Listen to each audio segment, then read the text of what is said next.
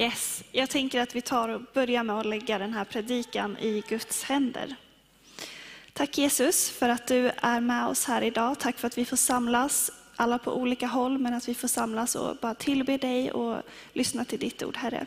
Jag ber att du ska sända din heliga Ande till oss nu så att det jag och Rebecka säger kommer direkt från dig, Herre. Öppna våra hjärtan och eh, ja, men bara lägg det du vill lägga i var och ens hjärta, Herre. Tack Jesus. Amen. Amen. Yes, så jag heter alltså Rebecka Och jag heter Emma. och det är vi som har fått äran att predika för er idag. Och vi ska predika just utifrån psalm 23 som ni fick höra läsas i videon vi kollade på. Så vi kör igång. Vi kör igång. Och jag tänkte börja i början av den här fantastiska salmen med Herren är min herde. Jag och min man, vi har skaffat katt. Vi ska se om vi har katten här på bild. Vi kör en till. Där har vi henne.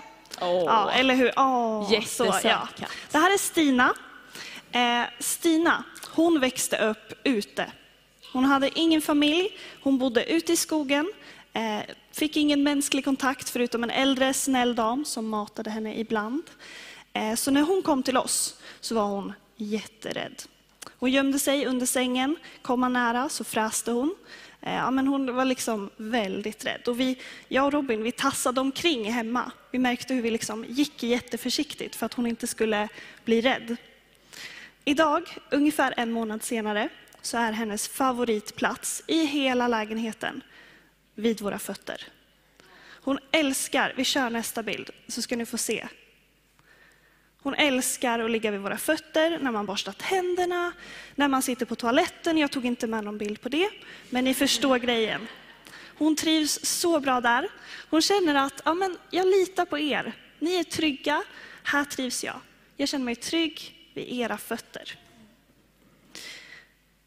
I början av psalm 23 så säger David, Herren är min herde. David själv, han var herde.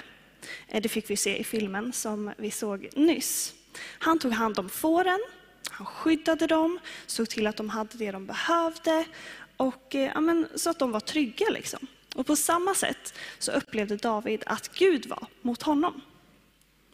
På flera ställen i Bibeln så jämförs Gud med en herde och vi människor jämförs med får. I Gamla testamentet, i profetboken Hesekiel, i kapitel 34, vers 15 och 16, så står det så här. Jag ska själv föra mina får i bet och låta dem vila, säger Herren Gud. De förlorade ska jag söka upp. De som gått vilse ska jag föra tillbaka. De sårade ska jag förbinda och de svaga ska jag stärka. I Mika, en annan profetbok i Gamla testamentet, i eh, kapitel 5 och vers 4, så står det om Jesus när han ska komma. Och då står det så här. Han ska träda fram och vara en herde i Herrens kraft, i Herren sin Guds namns höghet. Och de, människorna, ska ha ro, för han ska vara stor till jordens ändar och han ska vara vår frid.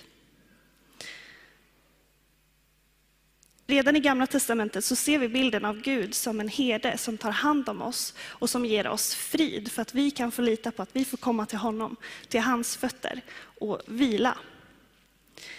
I Nya testamentet, i Johannes evangeliet kapitel 10 och vers 11, så pratar Jesus med ett gäng människor. Och då säger han så här. Jag är den gode herden. Den gode herden ger sitt liv för fåren. En god herde vaktar och beskyddar fåren så att de kan vila tryggt vid herdens fötter.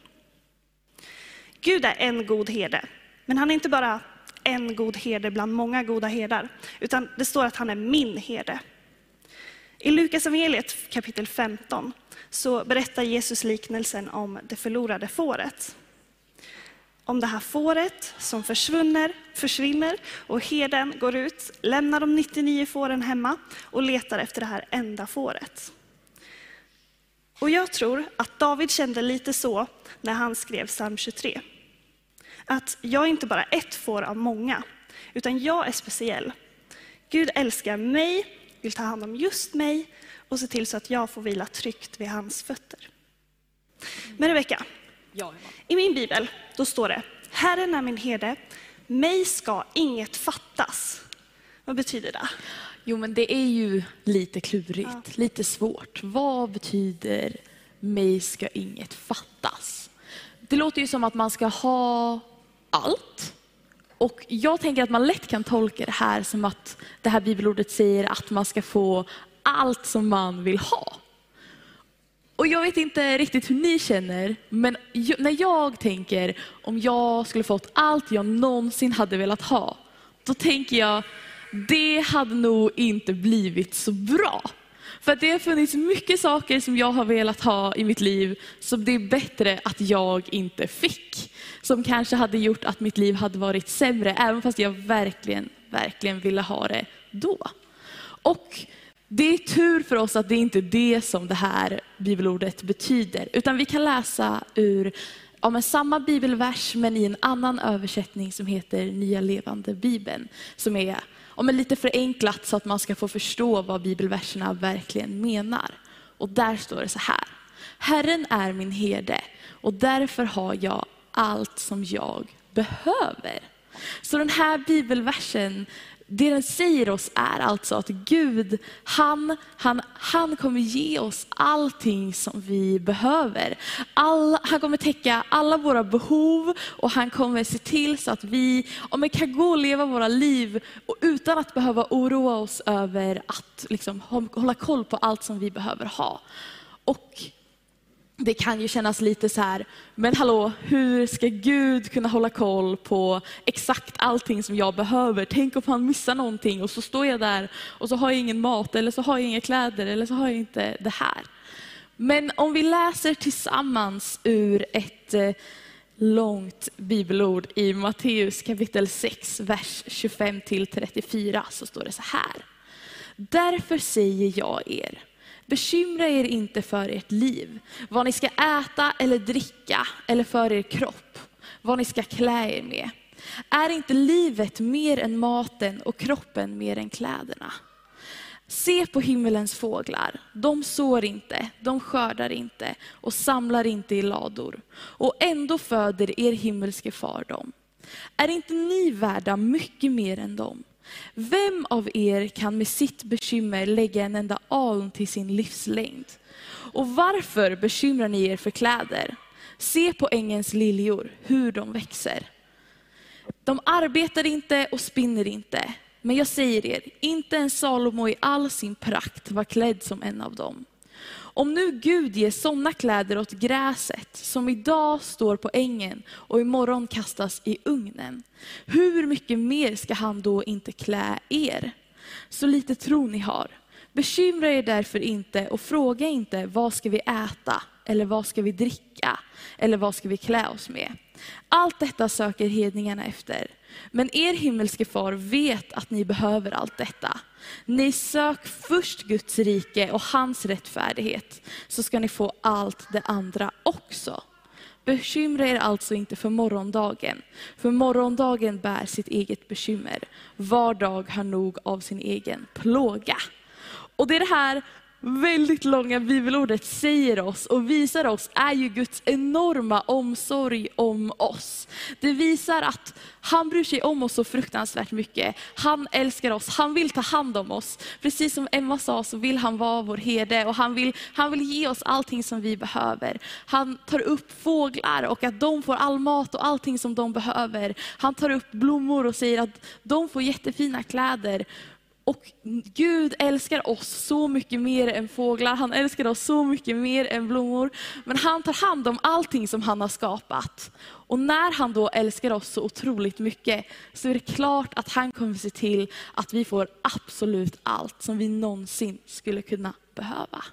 Yes, amen. Amen. Hörrni, jag tänkte att vi skulle avbryta här lite i halvtid med att ge ut det fjärde ordet. Är ni redo? Det fjärde ordet är oss. Oss.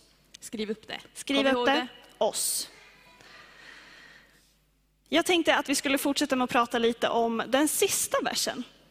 Eh, där står det så här, godhet och nåd ska följa mig i alla mina livsdagar och jag ska bo i Herrens hus för alltid.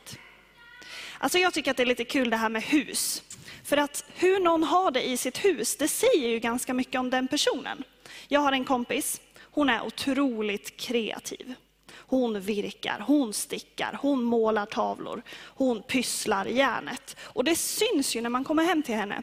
Det är egenmålade tavlor och virkade korgar och det liksom andas kreativitet hemma hos henne.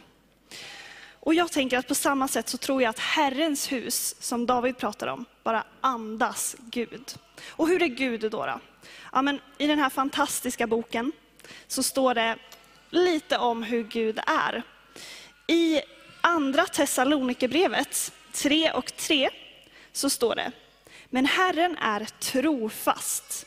Han ska styrka er och skydda er från den onde.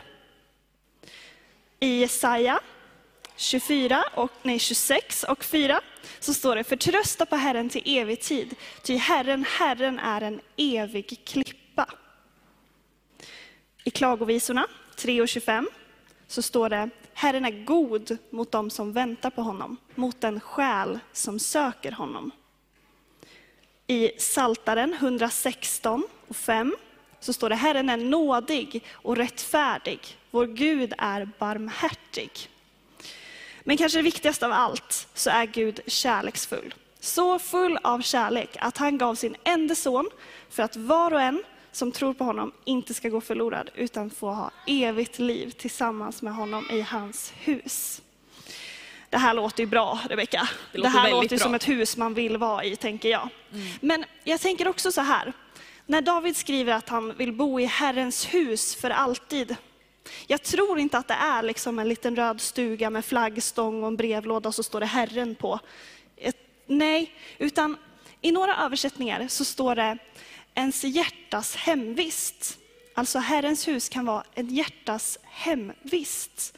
Alltså dit jag går med min själ, med mitt hjärta. Jag får alltid återvända till Herrens hus med allt jag är.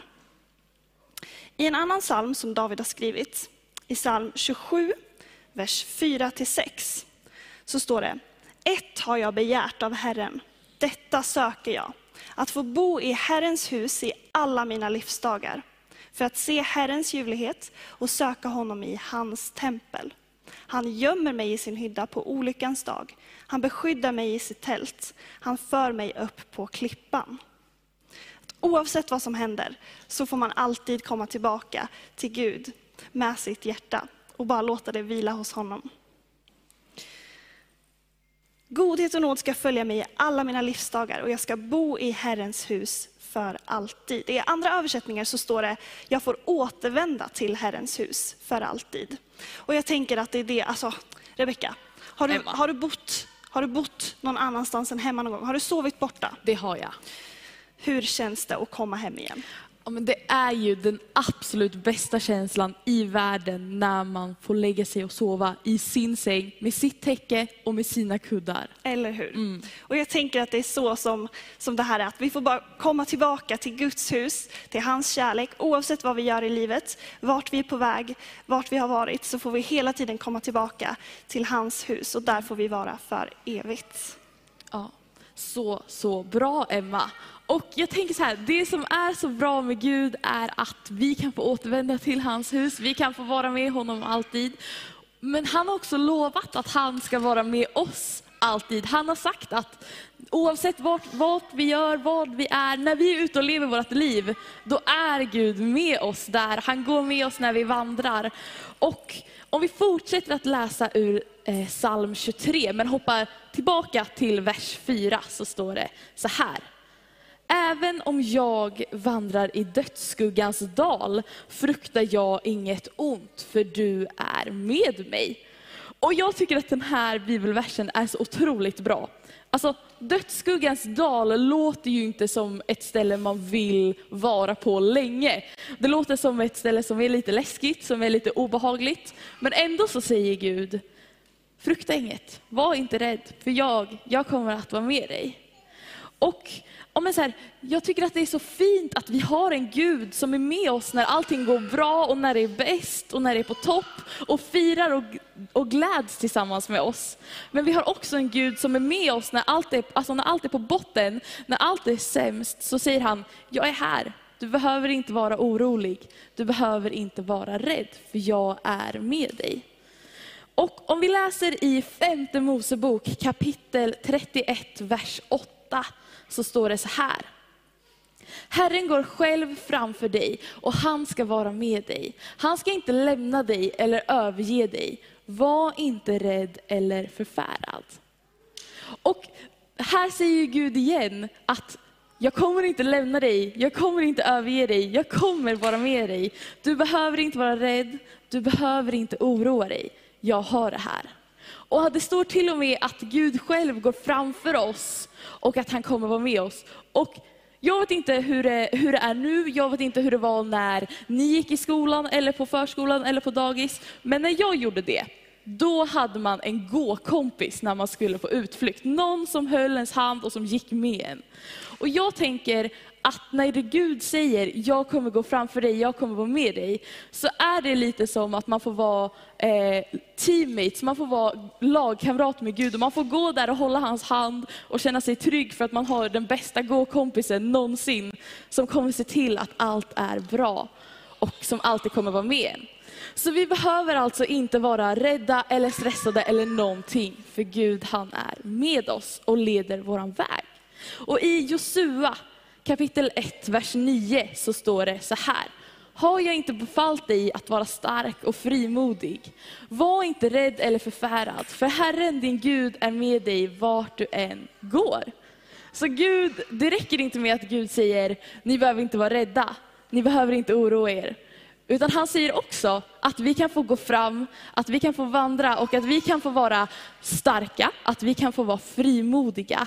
Och vi kan få vara här, inte för att vi är så bra, inte för att vi är så duktiga, eller för att vi är så starka i oss själva. Utan vi kan få gå fram och leva vårt liv orädda. Vi kan få gå fram och leva vårt liv starka och frimodiga för att Gud är med oss. Och han är så bra och han är så stor och han har liksom all makt och kommer se till att det går så, så bra för oss.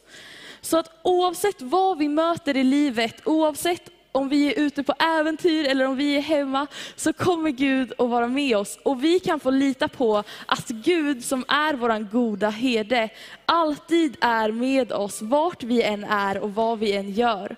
Och därför kan vi få gå fram och leva våra liv orädda, vi kan få leva dem starka och vi kan få leva dem frimodiga. För att Gud han älskar oss och han har en plan för våra liv.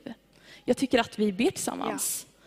Gud, jag tackar dig för att du alltid är med oss. Jag tackar dig för att du älskar oss så fruktansvärt mycket. Jag tackar dig för att du har en plan för vårt liv. Jag tackar dig för att du vill använda oss. Jag tackar dig för att du, du vill att vi ska gå fram och leva våra liv och att vi ska få göra det bara så här i full tillit till dig Gud. Att vi ska få bara leva våra liv efter din vilja Gud. Jag ber att du ska vara med oss i allting som vi står i, allting som vi kanske kämpar med just nu. Jag tackar dig för att du är med när det är tufft. Jag tackar dig för att du är med när allt är på topp och när allt är jättebra Gud.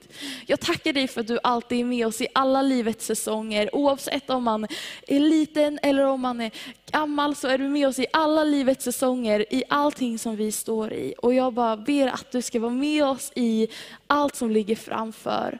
Och jag tackar dig återigen för att du älskar oss så mycket. Amen.